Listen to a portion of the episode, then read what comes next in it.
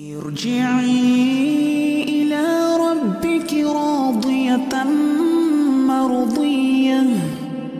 فادخلي في عبادي. وادخلي جنتي.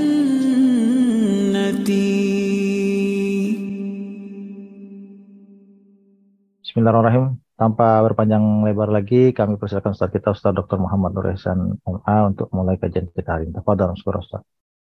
Baik, barakallahu fikum. Izinkan untuk apa ya, share screen dulu. Siap, Ustaz. Bismillah. Oke. Gimana? Siap. Bisa dilihat bukunya? Belum. Ya, Muncul sudah. ya? Sudah, sudah. Alhamdulillah. Baik. بسم الله الرحمن الرحيم. السلام عليكم ورحمة الله وبركاته. وعليكم السلام ورحمة الله وبركاته. الحمد لله رب العالمين. وصلى الله وسلم على نبينا محمد وعلى آله وصحبه أجمعين. ومن تبعهم بإحسان إلى يوم الدين. أما بعد. اللهم آت نفوسنا تقواها. وزكها وزكها أنت خير من زكاها أنت وليها ومولاها. اللهم علمنا ما ينفعنا وانفعنا بما علمتنا وزدنا علما. اللهم اجعل ما نتعلمه حجة لنا لا حجة علينا. أما بعد kaum muslimin dan muslimat, Bapak Ibu sekalian yang mudah-mudahan senantiasa dalam keadaan sehat walafiat dalam lindungan Allah Azza wa Jal. Allahumma amin. Kita bersyukur kepada Allah Azza wa Jal hati yang senantiasa mengimani berikrar bahwa semua nikmat dan karunia datang dari Allah Kemudian lisan kita senantiasa memuji dan memuji Allah Subhanahu wa taala dengan nama-nama Allah dan sifat-sifatnya yang mulia. Kemudian anggota badan kita kita gunakan untuk melakukan ketaatan kepada Allah. Sesungguhnya ketiga perkara tersebut adalah merupakan aplikasi syukur yang sesungguhnya. Kemudian salat dan salam kita juga senantiasa memperbanyak bersalat kepada Nabi alaihi salatu wassalam karena salat kepada Nabi alaihi salatu wassalam merupakan amalan yang mulia dan merupakan bagian dari ketaatan kepada Allah yang menghiasi kehidupan perjalanan hidup kita di dunia ini. Allahumma salli wa sallim ala abdika wa rasulika Muhammad wa alihi wa sahbihi ajma'in. Bapak Ibu sekalian rahimakumullah. Kembali kita dipertemukan oleh Allah dalam media yang insya Allah penuh dan keberkahan dan manfaat ini. Kendati berjauhan tapi terasa dekat kita duduk atau mendengar dan hadir dalam majelis ilmu dengan berbagai kemudahan di zaman sekarang ini. Alhamdulillah. Bapak Ibu sekalian rahimakumullah, kita lanjutkan pembahasan tentang empat perkara yang akan merusak hati. Ya. Imam Ibnu Qayyim rahimahullahu taala telah menjelaskan sebelumnya atau lima perkara yang merusak hati seorang hamba. Yang pertama kata beliau kasratul khultah ya, berlebihan dalam berinteraksi, bergaul dengan manusia. Yang kedua kata beliau at-tamanni, berangan-angan. Ya. Yang ketiga at-ta'alluq bi bergantung pada selain Allah. Yang keempat, asyiba. Yaitu perut yang selalu dalam kondisi kenyang. Ya, ini berkaitan dengan makanan. Dan yang kelima adalah an-naumu, yaitu tidur. Ya. Taib. Kemudian pada kesempatan kali ini kita akan menjelaskan atau akan membaca penjelasan Imam Ibnu Qayyim tentang bahaya ya, pergaulan dalam kehidupan seorang hamba. Nah, kita adalah manusia atau makhluk sosial yang membutuhkan orang lain. Tapi bila seorang hamba dalam hidup ini kebablasan di dalam pergaulan dan tidak mengindahkan batasan-batasan dalam bergaul, berinteraksi dengan manusia, maka yang demikian itu akan merusak hati. Nah, Imam Ibnu Qayyim menjelaskan di sini. Beliau mengatakan, qala rahimahullah Fa'amma ma tu'athiru ma tu'athiruhu kasratul khultati. Adapun ya efek yang ditimbulkan oleh banyak bergaul atau mungkin ya yang lebih uh, apa ya lebih pas terjemahannya kebablasan dalam bergaul dengan manusia Kata beliau, "Famtila'ul qalbi min dukhani anfasi bani Adam hatta yaswad." Yang demikian itu kata beliau akan mempengaruhi hati, akan merusak hati. Kenapa? Karena hati akan dipenuhi oleh ya asap-asap pernapasan manusia sampai hati itu menjadi hitam. Ini beliau mengungkapkan bahwa orang yang berlebihan dalam pergaulan maka ya secara langsung dia akan berinteraksi. Ya. Maka semakin banyak dia berinteraksi, maka dia akan ya terwarnai oleh interaksi tersebut oleh berbagai perilaku dan sikap manusia. Sehingga diistilahkan lima Ibnu Qayyim dukhanu anfasi bani Adam. Asap pernapasan manusia itu ya, itu akan membuat hatinya menjadi hitam ya wa yujibu lahu tashattutan wa tafarruqa. Dan juga akan menyebabkan hati tersebut tasyattut ya. Tercerai berai. Tafarrukan ya. Tidak bisa fokus dan konsentrasi. Nah. Kemudian wahamman wa ghamman juga akan menimbulkan ya sifat gham waham yaitu kebingungan gundah gulana ya bimbang wadha'fan dan kelemahan. Wa hamlan lima ya'jizu an hamlihi min mu'nati isu dan juga membebankan diri sesuatu yang tidak mampu dia pikul. Ya. Dikarenakan ya memenuhi kebutuhan teman-temannya yang jelek tadi. Wa idha'ati wa idha'ati masalihihi dan itu juga akan ya menyia-nyiakan kemaslahatan diri seseorang. Anha bihim wa bi umurihim dan akan menyibukkan dari kemaslahatan dirinya karena sibuk dengan mereka dan berbagai perkara atau dengan urusan manusia.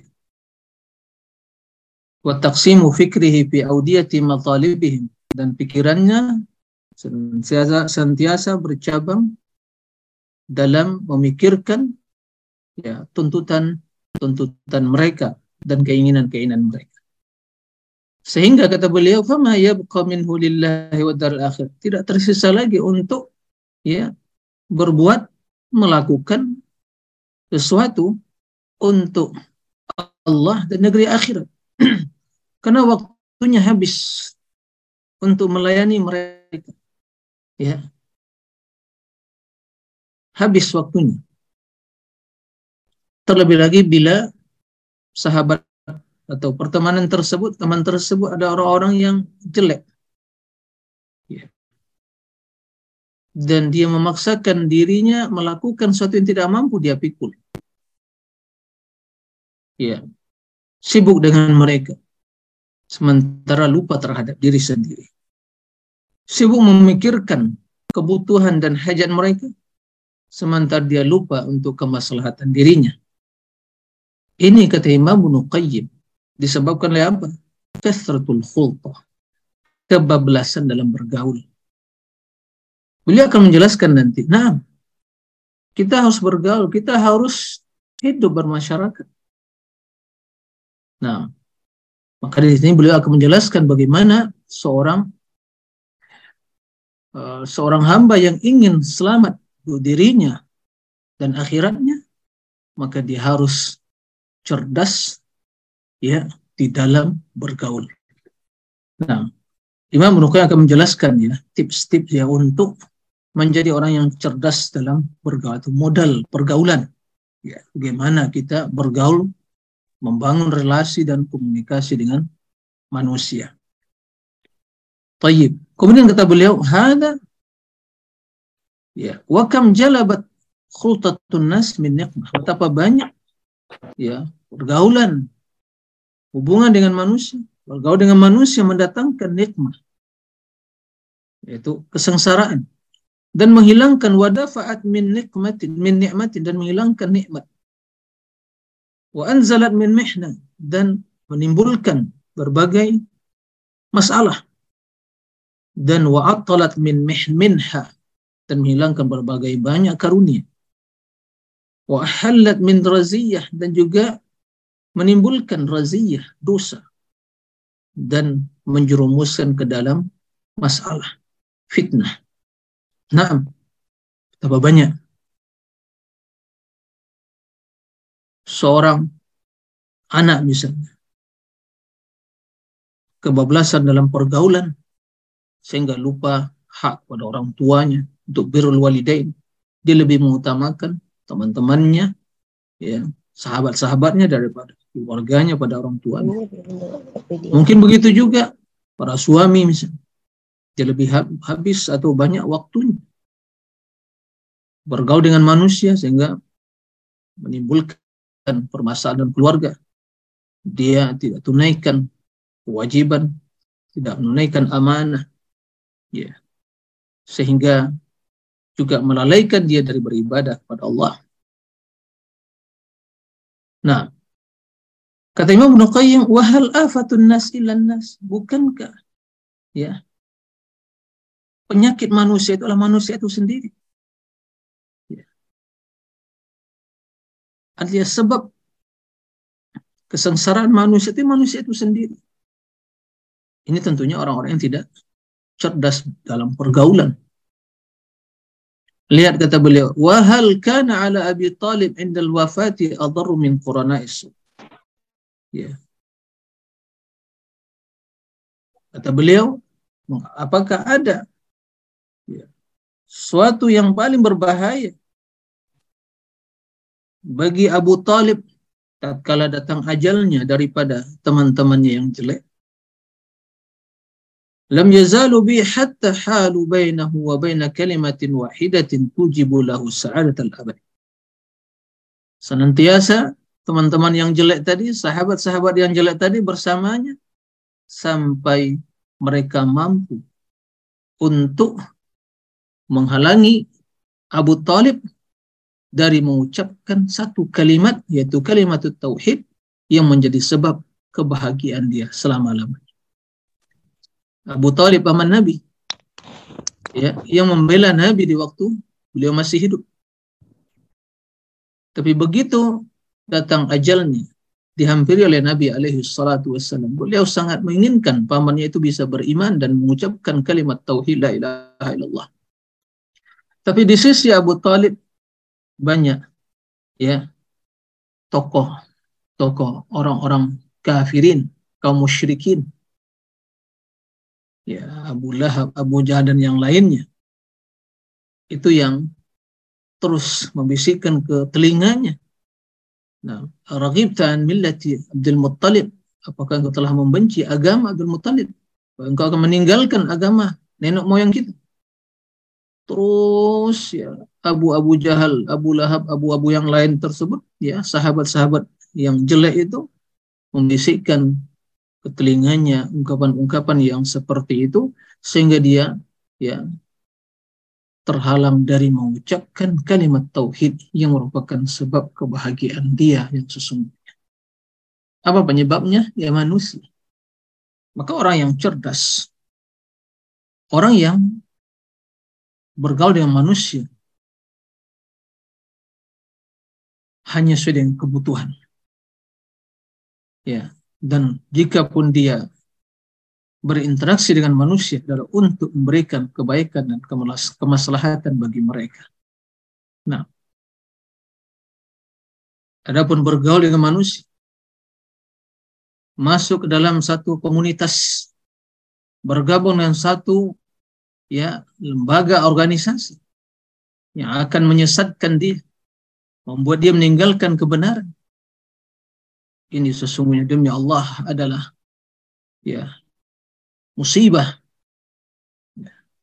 Kita mendengar orang-orang yang bercentang mengajak manusia kepada kebaikan, mengajak kepada Islam, tiba-tiba banyak yang menentang, banyak yang tidak suka, dipaksa, sehingga sebagian rela meninggalkan prinsipnya demi keridhaan manusia agar mendapatkan peluang di sisi mereka ya. Sehingga ada bayat-bayat tertentu pada kelompok-kelompok tertentu. Demi apa? Ya. demi mempertahankan loyalitas. Sehingga dia akan mengikuti apa yang didoktrinkan. Apa yang menjadi prinsip komunitas itu, kelompok tersebut, organisasi tertentu. Waliyazubillah, dia rela menjual agamanya, menjual akidahnya. Dan membantah atau mengingkari apa yang selama ini dia sampaikan dari kebenaran. Ini musibah. Apa yang menyebabkan mereka seperti itu? Ya, karena teman-teman yang jelek, komunitas yang jelek.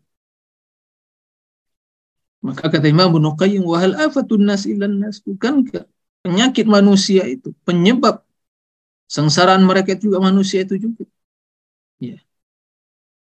Dan ini sangat penting sekali untuk disampaikan, untuk kita pahami, begitu juga kepada anak-anak kita di zaman sekarang ini. Pergaulan yang luar biasa di zaman sekarang ini. Baik di dunia nyata apalagi di dunia maya. Ya. Wahadil khultah allati takunu ala naw'i mawaddatin fid dunya. Pergaulan yang seperti ini itu dibangun di atas ya nau'i mawaddatin adanya kesukaan atau kecintaan di dalam perkara dunia ada di sana. Ya makna itu. Alasan yang demikian itu. Sama-sama mendapatkan kepentingan dunia. Ya ada kepentingan. Dan satu sama yang lainnya merasakan ada kenikmatan dalam hal itu karena sama-sama mereka mencicipi merasakan ya dunia dalam komunitas mereka dan pergaulannya wa qada'i wa min ba'd dan juga ya terlampiaskan hasrat dan keinginan sebagian dari yang lain. Seperti itu. Kita melihat pergaulan dunia ini ya dibangun di atas maslahat semua. Sedikit yang betul-betul tulus dalam membangun persaudaraan dan persahabatan. Tangkalibu idha haqqatil adawatan. Yang demikian itu Persahabatan dibangun di atas urusan dunia. Ya. dan untuk melampiaskan keinginan dan hasrat ya, sebagian dari yang lain. Semua itu akan berubah ya, apabila terjadi kiamat atau di hari akhir kelak ada watan itu permusuhan. Karena tidak dibangun di atas cintaan pada Allah, tapi kecintaan pada urusan dunia. Kemaslahatan dunia. Ya Abdul mukhalitu alaiha yadaihi nadaban. Ya, yang bergaul akan menggigit jari, menyesali. Gigit jari, menyesali. Ya, pergaulan atau persahabatan yang demikian itu pada hari kiamat. Sebagaimana firman Allah, "Wa yawma ya'addu dhalimu 'ala yadayhi yaqulu ya laitani ittakhadtu ma'ar rasuli sabila ya wailata laitani lam attakhidh fulanan khalila faqad adallani 'ani dzikri ba'da idh ja'ani wa kana asy-syaitanu lil insani khadula." Inilah ya akhir dari perjalanan. Orang-orang yang di dunia ini mengikuti manusia dalam karena kepentingan dunia bukan karena mengikuti al-haq. Apa kata Allah Subhanahu wa taala? Pada hari pada hari yaitu hari kiamat orang-orang yang berbuat zalim akan gigit jari. Ya menyesal. Sembari mengatakan ya laitani aduhai seandainya dahulu aku mengambil atau mengikuti jalan bersama Rasul ittakhadtu ma'ar rasul sabila. Nah ini semua akan menyesal. Ya kenapa dahulu di dunia saya tidak mengikuti Rasul? Ya. Andai dahulunya di dunia mengikuti Rasul mengikuti kebenaran tentu tidak akan terjadi seperti ini. Tidak akan menyesal Ya wailata, aduhan. Laitani lam attakhid fulanan khalila. Andai dahulunya di dunia, saya tidak menjadikan si fulan sebagai teman, sebagai sahabat. Karena menyesatkan, menjurumuskan ke dalam kebatilan. Laqad adallani anid dzikr. Dia telah menyesatkan aku dari adzikir, dari berzikir, dari ilmu, dari kebenaran dari Al-Quran. Ba'da ija'ani setelah datang kebenaran. Bapak Ibu sekalian rahimakumullah kita melihat dalam kehidupan dunia ini betapa banyak orang yang disesatkan disebabkan oleh teman yang sesat, teman yang jelek, ya, teman yang uh, membisikkan ke dalam ke telinganya hal-hal yang jelek, seolah-olah dia cinta kepada temannya, ingin kemaslahatan padahal dia ingin menjurumuskan. Dan kapan tersingkap hakikat itu? Ya pada hari kiamat. Di dunia bisa ketawa ketiwi. Ya. Bisa dia bersenang-senang. Bergembira. Karena masing-masing dari kebutuhan dunia. Ya. Terlampiaskan. Apa yang menjadi hajat dan kebutuhan jiwanya. Ini kemaslahatan sesat. Naam. Wa kana syaitan lil insani khadula. Dan syaitan itu ya bagi manusia sungguh ya menyesatkan atau uh, melecehkan. Jadi syaitan selalu berusaha untuk ya, menyesatkan manusia. Jadi gara-gara mengikuti syaitan dan sahabat syaitan, teman-teman yang jelek yang menyesatkan dari kebenaran. Nah, kemudian kata Imam Ibnu Qayyim, wa qala ta'ala, al-akhillau yawma idzin ba'dhum li ba'din aduwwun ilal Orang-orang yang bersahabat yang membangun pertemanannya, persahabatannya di dunia ini, nanti di hari akhirat ya satu sama lain saling akan bermusuhan. Jadi permusuhan. Ilal muttaqin, kecuali orang yang bertakwa. Yaitu orang-orang yang membangun persaudaraan, persahabatan, relasinya, ya, muahmalanya, pergaulannya di atas takwa. Cinta karena Allah berpisah karena Allah, berkumpul karena Allah. Nah, dan sebagaimana dalam hadis disebutkan di antara golongan yang akan mendapatkan naungan di akhir kala adalah rajulani tahabba fillah ijtama'a alaihi wa tafarraqa wa iftaraqa alaihi. Dua orang yang berkasih sayang yang membangun hubungan yang baik berkumpul karena Allah dan berpisah karena Allah. Itulah ya persahabatan dibangun di atas takwa. Nah, kemudian Imam Ibnu menjelaskan ya uh, konsep yang benar dalam pergaulan. Jadi bagaimana kita bergaul dengan manusia dan kita manusia sosial, makhluk sosial pasti membutuhkan orang lain. Gak bisa hidup sendirian. Kita harus bergaul. Ya. Kita harus bermasyarakat. Tapi bagaimana kita bergaul dengan manusia? Lihat. Ini ya kata Imam Nuqai ad-dhabitun nafi. Ya, cara yang bermanfaat. Di dalam perkara al-khultah, pergaulan. Kata beliau, an yukhalitan nas fil khairi bergaul dengan manusia dalam urusan yang baik. Contoh kal Jumu'ah. Jadi datang sholat Jumat. Nah, Adapun bergaul dengan manusia yang tidak pernah tampak batang hidungnya di rumah Allah, apalagi sujud, ya. Maka teman yang baik, lihat, jika dia sholat, itulah manusia yang harus kita temani dalam hidup ini. Kal Jumu'ah hadir dalam melakukan sholat Jumat, dirikan sholat Jumat, wal jamaat dan hadir dalam sholat berjamaah. Ini standar, ya, untuk mencari teman yang baik. Itu dalam kebaikan. Kalau dia hadir mendirikan sholat, itulah pertanda kebaikan. Hadir sholat berjamaah. Nah, begitu juga ya wal a'ya dalam perayaan hari Islam dalam Islam hanya dua hari raya. Idul Fitri, Idul Adha. Wal Haji. Menunaikan haji. Ini adalah hal-hal yang baik. Maka di situ kita akan bertemu dengan saudara kita. Akan terjadi komunikasi, interaksi, ya, dan juga membangun relasi.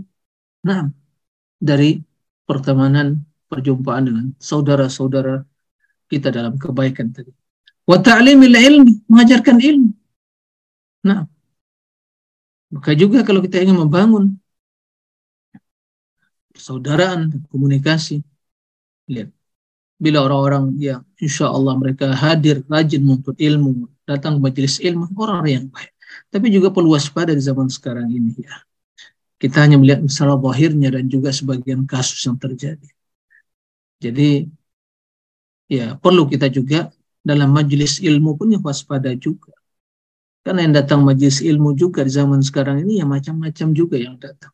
Maka berhati-hati. Ya. Wa ta'limil ilmi na'am. Seorang yang memiliki ilmu membangun komunikasi dengan manusia dalam rangka mengajarkan ilmu. Ya.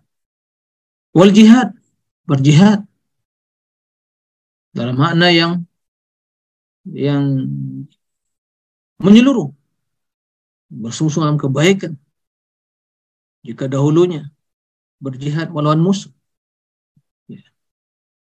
Dan juga di zaman sekarang ini berjihad dalam menebarkan kebaikan dan juga wan nasihat memberikan nasihat ini ya hal-hal yang menjadi indikator atau yang menjadi perhatian utama untuk mencari pertemanan. Wa yatazilahum fi dan meninggalkan mereka dalam hal yang jelek. Wa fudulil mubahat dan hal-hal yang mubah yang berlebihan. Dia mubah boleh, tapi kalau sudah berlebihan itu akan bisa menimbulkan pada hal yang makruh. Makruh bisa menjerumus kepada yang haram. Nah, Wa idza da'atil hajatu ila khultatihim fi Apabila ya kebutuhan atau kondisi mengharuskan dia untuk bergaul dengan mereka fisher dalam hal-hal yang jelek atau untuk ya hadir sama mereka dalam hal yang jelek tadi. Wala yumkinhum itizaluhum dan tidak mungkin dia meninggalkan mereka. Maka hendaklah dia fal hadar al hadar an yuwafiq hendak dia waspada, waspada. Jangan sampai ya menyetujui merestui perbuatan mereka. Wal yasbir ala adah dan sabar terhadap ya berbagai eh, kesulitan atau kejahatan mereka. Fa'innahum la budda an yu'udhu. Karena mereka pasti akan ya menyakiti, mengganggu. Illam yakun lahu quwwatun wala nasir jika seorang tidak memiliki kekuatan dan juga penolong akan mengganggu. Ya begitu. Apalagi kalau yang dominan adalah orang-orang yang bejat, orang-orang yang jelek. Orang yang baik akan jadi tersangka. Ya. Orang-orang yang bejat akan menjadi ya, pemenang dalam masalah tadi. Begitu. Kemudian kata Imam Muqayyim, فإنهم يعني ولكن أذن يعقبه عز ومحبة له وتعظيم akan tapi kendati mereka masyarakat. Kalau kita bergaul ya pasti akan menyakiti. Ya. Apalagi bila seorang tidak memiliki kekuatan dan penolong tapi akan tetapi kendati itu terjadi. Tapi ya uh, hal yang akan menimbulkan izzah kemuliaan dan kecintaan. Wa ta'zim mahabbatullahu. Yaitu kecintaan kepadanya dan juga pengagungan. Wa alaihi. Dan pujian terhadap seseorang terhadap dirinya minhum dari mereka wa minal mu'minin ya dan dari orang yang beriman. Wa min rabbil alamin dan juga dari Allah Rabbul Alamin. Wa muwafaqatuhum sementara menyetujui ya merestui mereka di dalam kejelekan itu akan menimbulkan yaqubuha dhullun wa bughdullah akan menimbulkan kehinaan dan kebencian baginya wa maktun dan juga uh, nah, kehinaan wadhamun minhum dan celaan dari mereka dan dari orang beriman dari Allah Subhanahu wa taala. Karena bila meninggalkan sesuatu karena Allah Allah akan menjadikan mengganti memberikan pengganti yang baik dan juga akan pujian yang baik. Tapi bila ya meninggalkan sesuatu yang diridhoi oleh Allah karena ingin ya uh, melakukan sesuatu yang menimbulkan ya manusia atau yang menimbulkan manusia itu atau menjadikan manusia itu senang terhadap perbuatan seseorang atau perilakunya maka demikian itu akan menimbulkan ya kehinaan dan juga kemurkaan dari Allah Subhanahu wa taala. Maka kata beliau fasabru ala adahum khairun wa ahsanu akibat. Sabar terhadap berbagai cobaan, ujian dan ya gangguan mereka itu lebih baik dan lebih utama ya akibatnya. Wa ahmadu ma'alan dan juga akan berakhir dengan hal yang mulia. Wa inda'atil hajatu ila khultatihim fi fudulil mubahat jika kondisi menuntut ya kebutuhan menuntut untuk bergaul dengan mereka dalam perkara-perkara mubah mubah yang berlebihan. Falyajtahid maka dia bersungguh-sungguh. An yaqliba dzalikal majlis ya bersungguh-sungguh. Ya bagaimana dia bisa menjadikan majlis yang seperti itu taatan lillah menjadi majlis yang dalam ketaatan kepada Allah.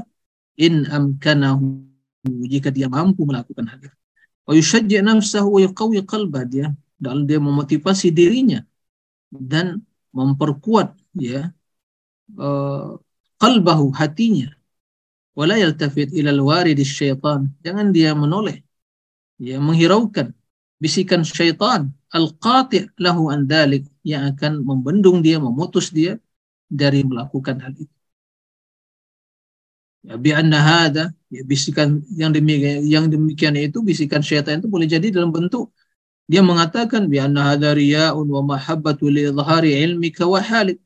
Inilah riya ya, berpura-pura oh ingin popularitas, ingin mempopulerkan ilmumu dan juga kondisi dan keberadaan. Ya. Berjadi syaitan seperti itu. Itulah kamu sok-sok alim, pura-pura alim. Ini ria, memperlihatkan kepada orang keilmuanmu dan yang lainnya. Wa nahwi dan yang semisalnya. Fal adalah dia memerangi hal itu, bisikan yang demikian.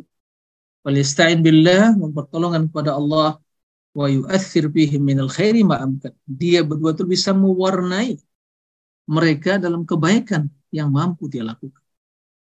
Jadi maksud Imam Ibnu Qayyim seorang adalah jika dia orang yang memiliki kebaikan, orang yang berilmu, orang yang ingin menyampaikan kebaikan pada mereka, ya sabar dalam hadapi cobaan dan ujian dari manusia tersebut dan hendak dia terus berusaha untuk menjadikan majlis di mana dia bisa berkumpul dengan manusia menjadi majlis yang baik, ya mengingatkan mereka dengan kebaikan, memperingatkan dari hal-hal yang akan mendatangkan akibat yang negatif, dan seterusnya. Nah, Pain ajizatul maqadir jika takdir telah menentukan dia tidak mampu dari hal itu. Andalika fal yasulla qalbahu min bainihim kasalli sya'rati min al Maka hendak dia berusaha ya mencabut hatinya dari di antara mereka, ya, mengeluarkan hatinya di antara mereka kasalli sya'rati min al seperti dia menarik sehelai rambut minal ajin dari adonan. Ya. Bagaimana dia bisa menarik ya, sehelai rambut tadi? Maka harus berhati-hati. Jangan sampai putus. Waliyakun fihim hadiran ghaiban. Hendaklah kondisi dia di tengah-tengah mereka dalam kondisi hadir, hadir tapi gaib. Mungkin ya maksudnya fisiknya hadir di tengah mereka, tapi pikirannya tidak bersama mereka. Ini jika tidak mampu meninggalkan yang seperti itu. Qariban ba'idan, dekat tapi jauh. Ya. Gimana ya? Dekat tapi jauh. Tidur tapi bangun. Gimana itu menggabungkan dua hal itu? Dekat berarti ya jauh. Kalau jauh berarti tidak dekat. Tapi bagaimana dekat dan jauh? Maksudnya kendati fisiknya, jasadnya dekat dengan manusia, dekat bersama manusia karena bergaul dengan mereka. Tapi pikiran dan hatinya baik dan tidak mengikuti ya apa yang sedang berkembang di antara mereka. Naiman begitu juga, yaqdhan. Naiman yaqdhan. Tidur. Tapi dia bangun. Nah, artinya dia kendati dia itu dalam kondisi bangun fisiknya, tapi sesungguhnya pandangan matanya tidur dari melihat kondisi orang-orang yang ada di sekitarnya. Yang ilaihim wala yubsiruhum. Ya, secara pandangan mata, kasat mata, dia melihat. Tapi hati, pandangan hati tidak melihat kepada mereka. Wala yubsiruhum. Wa yasma kalamahu wa Dia mendengar perkataan mereka tapi tidak memahaminya. Tidak ia uh, memperhatikan. Dengar. Jadi ibarat ya uh, suara atau perkataan yang masuk telinga kiri keluar telinga kanan. Nah, wala Maka dia tidak ya uh, tidak ada perhatian terhadap omongan mereka. Lianu qad akhadha qalbu min bainihim. Karena sungguhnya dia telah menarik hatinya dia dari antara atau di antara mereka, dari antara mereka, atau dari tengah-tengah mereka. Waraqabihi dan naik hati tersebut ilal malail a'la ke tempat yang tinggi ya posisi yang tinggi yang yusabbih haulal arsi mal arwahil ulwiyati zakiyah yang bertasbih di sekitar arsy bersama roh-roh yang mulia lagi suci. Kenapa? Tempat para malaikat, jiwa-jiwa yang mulia yang bersih itu ya bersama naik ya menuju Allah ya bersama para malaikat orang-orang yang suci makhluk yang suci ya hamba-hamba Allah yang suci yang mereka beribadah ya yang dekat kepada arash bahkan yusabbihuna ya bertasbih beribadah di uh, di sekitar ya arash karena arash adalah makhluk yang paling tinggi. Nah,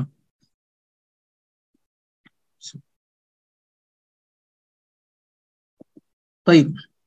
Ini maksud dari perkataan Imam Ibnu Qayyim rahimahullah. Jadi uh, di sini beliau mengajarkan kepada kita bagaimana ya sikap yang benar dalam bergaul dengan manusia, membangun komunikasi dan relasi.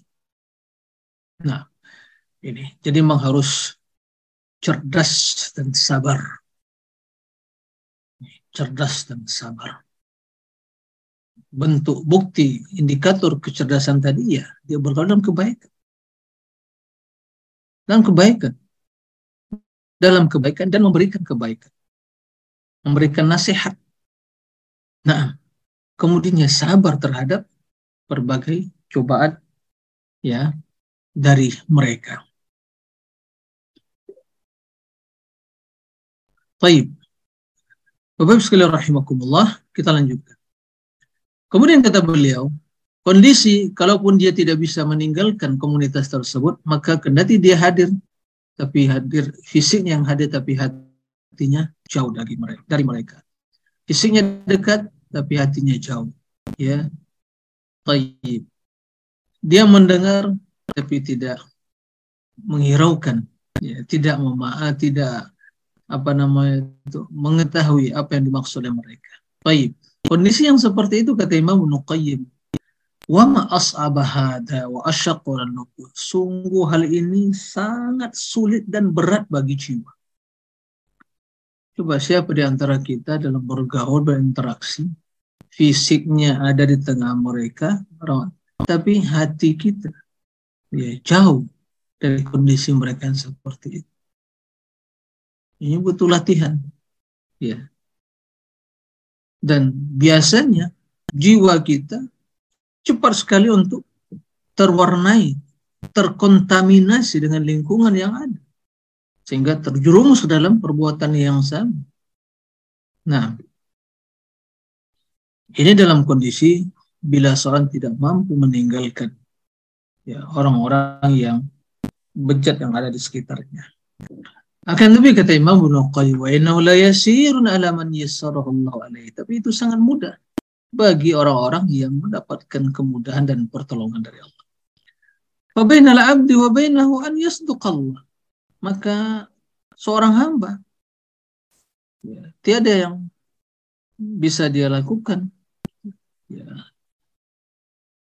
antara dia dengan yang demikian itu adalah hanya ayastuk Allah. Dia jujur, betul-betul jujur kepada Allah wa yudiman laja ilaihi dan terus menerus ya kembali kepada Allah.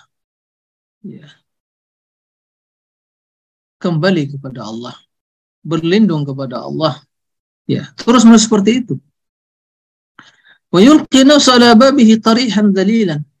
Dan ya menempatkan dirinya di depan pintu Allah. Pintu karunia. Torihan. Dalam keadaan tergeletak. Dalam keadaan hina. Ya. Wala yu'in wala hada illa al mahabbatu sadiqah tidak ada yang bisa menolong dia untuk melakukan hal itu kecuali cinta yang tulus cinta yang suci kepada Allah. Wa dzikru daim bil qalbi wal lisan dan zikir yang senantiasa menyertai hati dan lisan Nah, ada tiga. Mahabbah, ya, cinta yang tulus, dan dikir yang senantiasa, menyertai hati dan lisan. wa tajannubul mufsidatil arba'atil baqiyatil ati dan menjauhi ya empat hal yang uh, yang apa nama itu yang merusak. Empat hal yang lain yang merusak. Sebagaimana akan disebutkan apa itu? Yaitu berangan-angan kemudian bergantung pada selain Allah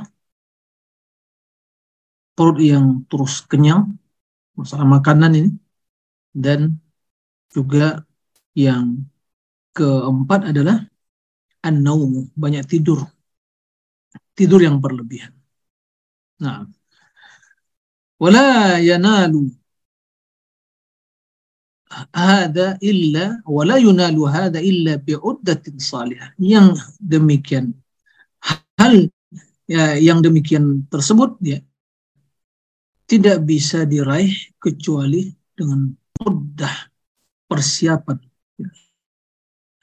Bekal yang baik mudah persiapan yang baik. Wa maddati quwwatin minallah dan juga kekuatan karunia dari Allah wa azimatin sadiqah dan azimah azam yang kuat azam yang yang ya naam azam yang benar sadiqah wa faraghin min at-ta'alluqi bi ghairillah. Yaitu kosongnya hati dari bergantung kepada selain Allah. Nah, nah ini Bapak Ibu sekalian rahimakumullah. Uh, hal yang pertama yang merusak hati yaitu kata Imam Ibnu Qayyim rahimahullah ya kebablasan dalam bergaul dengan manusia. Dan bagaimana tips dan cara yang benar ya, sikap yang benar dalam bergaul beliau telah menjelaskan itu dalam kebaikan.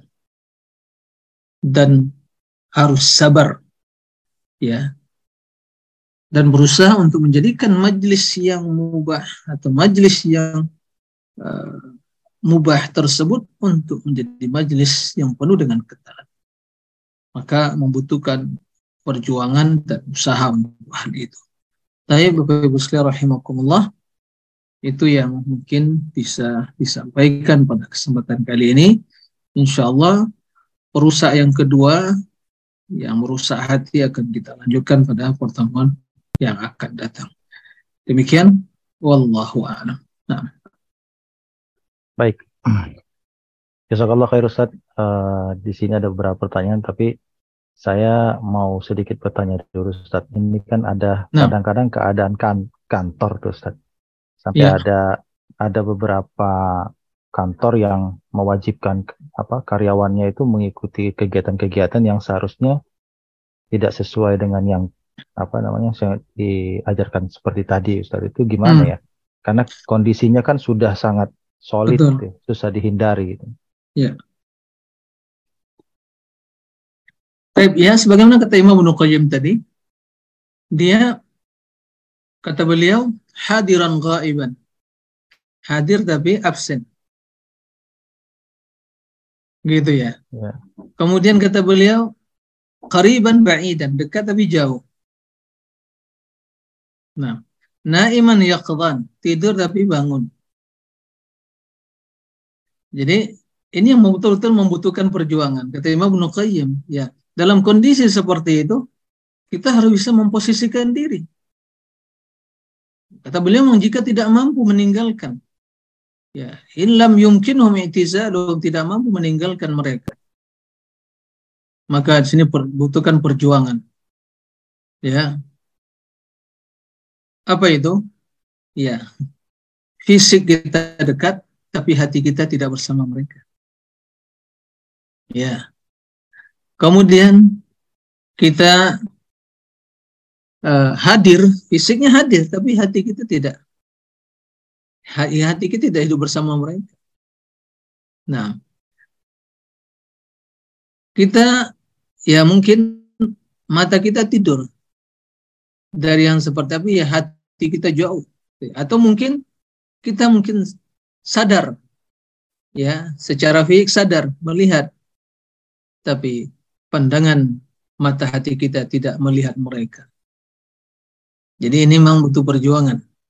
Ya, dengan sabar maka kata Imam Ibnu Qayyim dengan kecintaan yang tulus kepada Allah, memohon pertolongan kepada Allah, ya, kemudian terus uh, bergantung kepada Allah, kembali kepada Allah, maka yang demikian itu akan bisa diatasi. Intinya bila kecintaan dalam hati telah bersemi pada Allah, maka tentu kecintaan itu yang akan membuat seorang bisa ya senantiasa ya terpaut hatinya kepada Allah kendati dia hidup tengah-tengah manusia.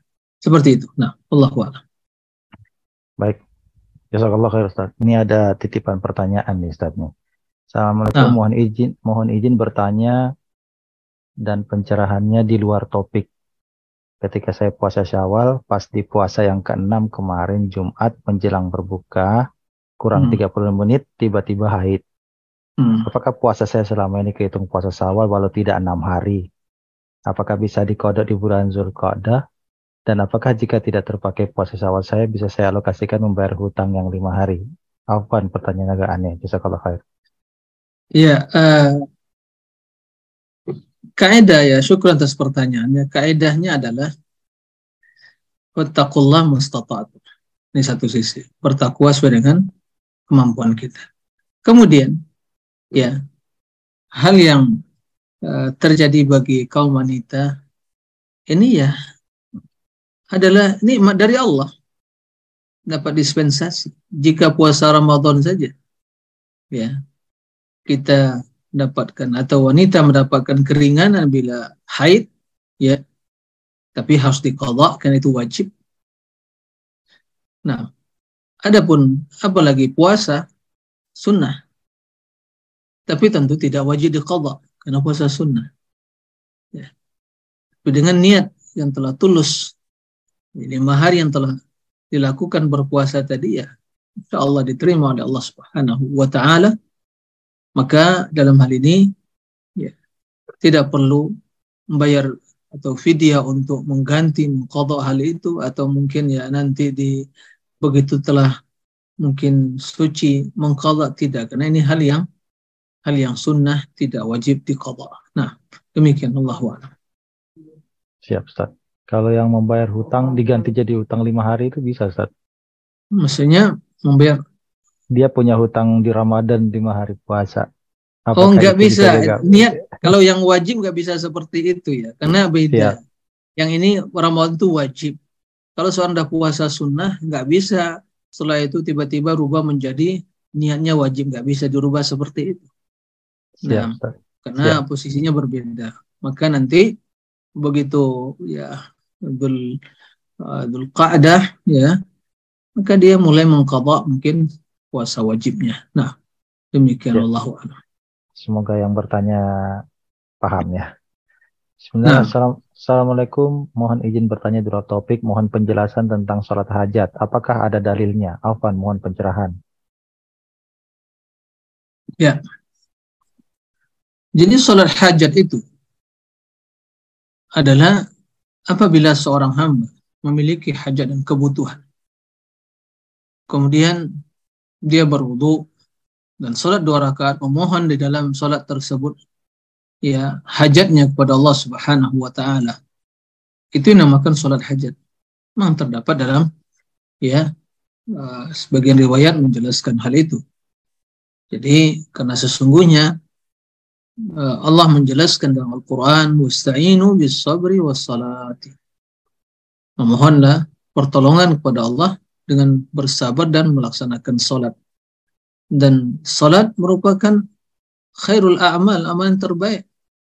Maka kita salat, kemudian di dalam salat memohon hajat kita kepada Allah, atau di penghujung salat, atau setelah itu berdoa, ya maka itulah yang dinamakan salat hajat. Nah, maka oh. dan itu waktunya ya di waktu-waktu yang tidak uh, terhalang atau terlarang melakukannya. Nah, di siang dan di malam hari.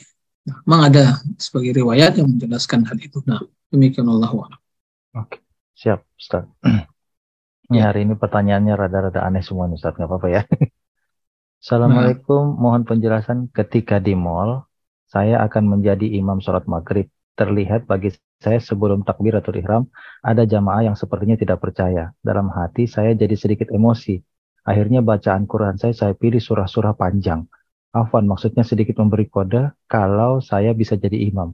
Bagaimana mencegah menyikapi keadaan ini Ustaz? Saya jadi jatuh ria karena merasa diremehkan. Mohon pencerahan Ustaz. Ya, itu jelas keliru ya. Gak boleh seperti itu. Kita sholat bukan untuk memperlihatkan saya hafal Quran atau tidak, bukan gitu. Saya mampu enggak ya. Ya kalau memang diberi kesempatan sholat, bisa jadi imam ya baca. Apalagi di mungkin di mall atau mungkin kebutuhan hajat manusia macam-macam. Jangan jadi fitnah. Ya, masa dibaca sampai satu juz untuk rakaat pertama? Ya ini jelas setelah itu akan viral itu. Ya oh iya berarti Allah. Makanya jangan uh, apa gitu ya.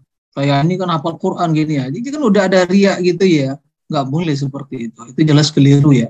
Udah sholat loh manusia melecehkan kita apakah kita akan berkurang punya dari sisi Allah bukan merubah kalau dilecehkan nanti hafalan Qur'annya hilang semua ya enggak. Atau menjadi hina di sisi Allah ya enggak. Bahkan diuji dengan seperti tadi, diuji. Kalau kita baca Al-Quran, hafal Quran kan lillah. Ya kalau berkesempatan sholat, Alhamdulillah sholat disesuaikan.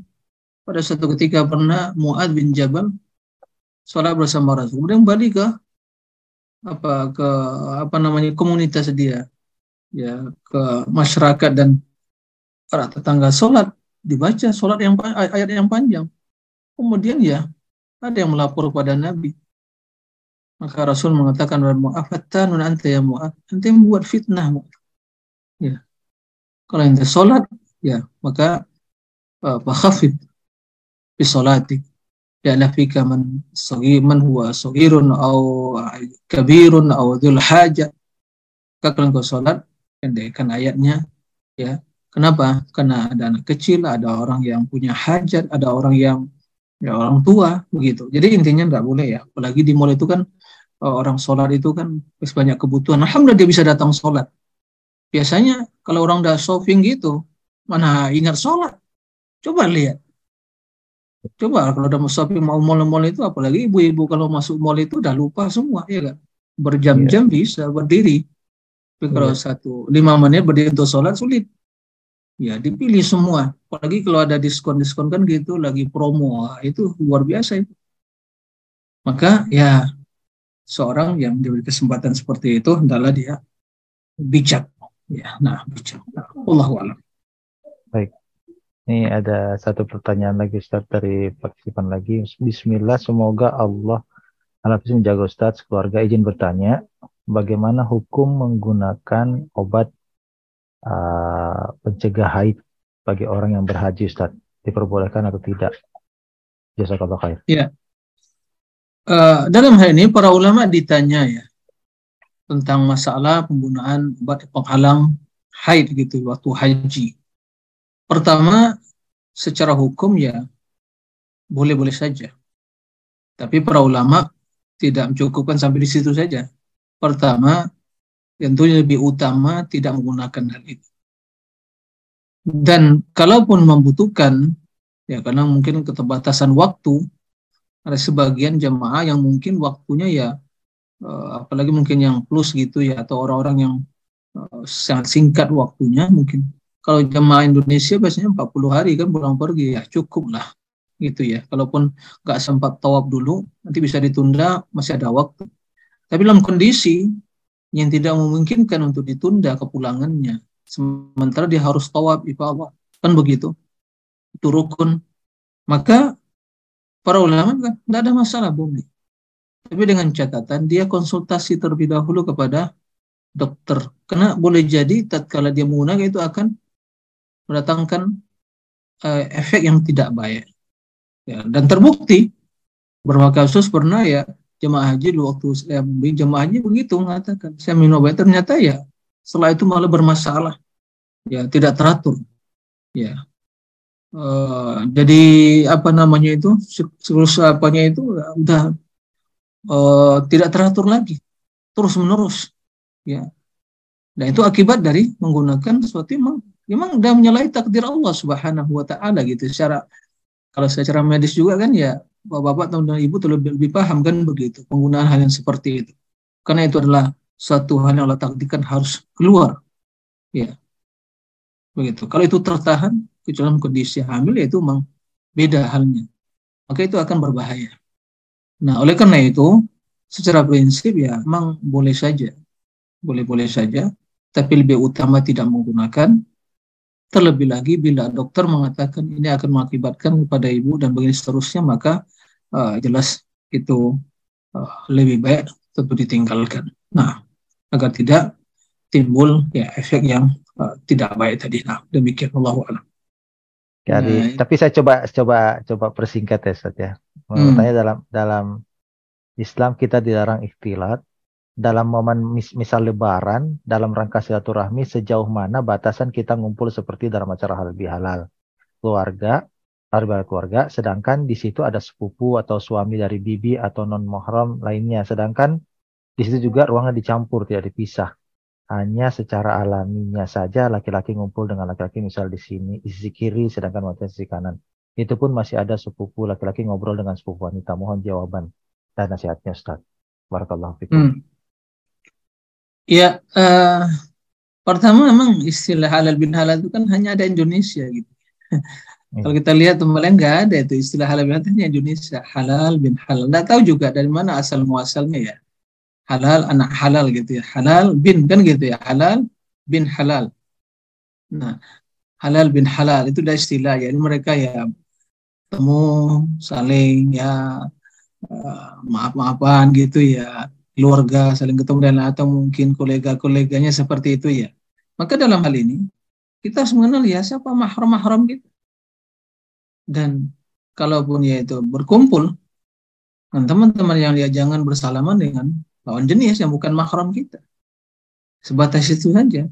Dan juga bagi wanita ya jangan sampai tatkala itu juga lelaki dan yang lainnya ya, memperlihatkan mempertontonkan ya misalnya perhiasan dia semua ya dengan segala uh, perhiasannya lipstick dan juga semua ya itu jadi fitnah.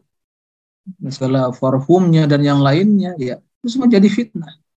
Maka kalaupun bersama keluarga ya sebatas diketahui jangan bersalaman dengan lawan jenis bukan mahram kita dan dipisahkan. Ya kalau bersua dengan adik kerabat dan tetangga dan yang lainnya ya dipisahkan mana untuk tempat yang laki-laki dan tempat wanita seperti itu. Jadi kita jangan tenggelam dalam sebuah tradisi yang bertentangan dengan agama. Oh. seperti itu. Karena bagaimanapun ya yang demikian itu kalaupun ya kita tidak bisa mengatakan haram gitu ya selama itu hanya berkumpul hal-hal yang mubah tapi bila hal yang demikian itu ya di dalamnya adalah uh, melakukan hal-hal yang haram maka mengikuti hukumnya gitu. Bila menjadi tempat untuk ikhtilat, campur lawan jenis, ya salam-salaman atau mungkin tempat untuk saling mempertontonkan perhiasan dan apanya kan gitu ya. Nah, itu tidak boleh. Seperti itu. Jadi uh, uh, bila itu menimbulkan hal-hal yang diharamkan maka jelas tidak dibolehkan karena sarana pada yang haram. Tapi yang sebatas untuk ketemu satu sama lain, saling menyapa dan juga keluarga dipisahkan tempat laki dan wanita, maka insya Allah kalau hanya sebatas itu ya boleh-boleh saja. Nah, demikian Allah. Baik. Ah, pertanyaan sepertinya sudah habis nih Ustaz. Kalau ada ya. partisipan yang mau langsung bertanya silahkan kita kasih kesempatan sebelum kita tutup.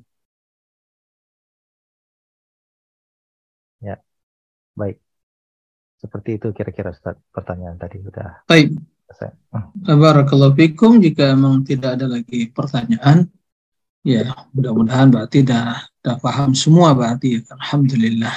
Amin. Berarti mantap nih kajian malam ini mantap. Sudah paham semua. Insyaallah. Ya, mudah-mudahan semakin semangat insyaallah. Semangat. Ya. Semangat. Siap. Itu ya Pak Mimin ya, semangat ya. Siap. Siap, Ustaz. Iya. Semangat. semangat. Mudah-mudahan Bapak Ibu sekalian dalam keadaan sehat, manfaat, ya, dan terus manfaatkan waktu, kesempatan untuk dekatkan diri kepada Allah Azza wa Jal. Semoga diberi kemudahan menjalankan ya aktivitas dan kegiatan masing-masing dan semoga selalu sehat fisik dan jiwanya. Gitu. Nah, demikian wallahu alam. Mohon maaf. وصلى الله وسلم نبينا محمد وآله وصحبه وسلم. الحمد لله رب العالمين. السلام عليكم ورحمة الله وبركاته. وعليكم السلام ورحمة الله وبركاته. ارجعي إلى ربك راضية مرضية. فادخلي في عبادي. وادخلي جنتي.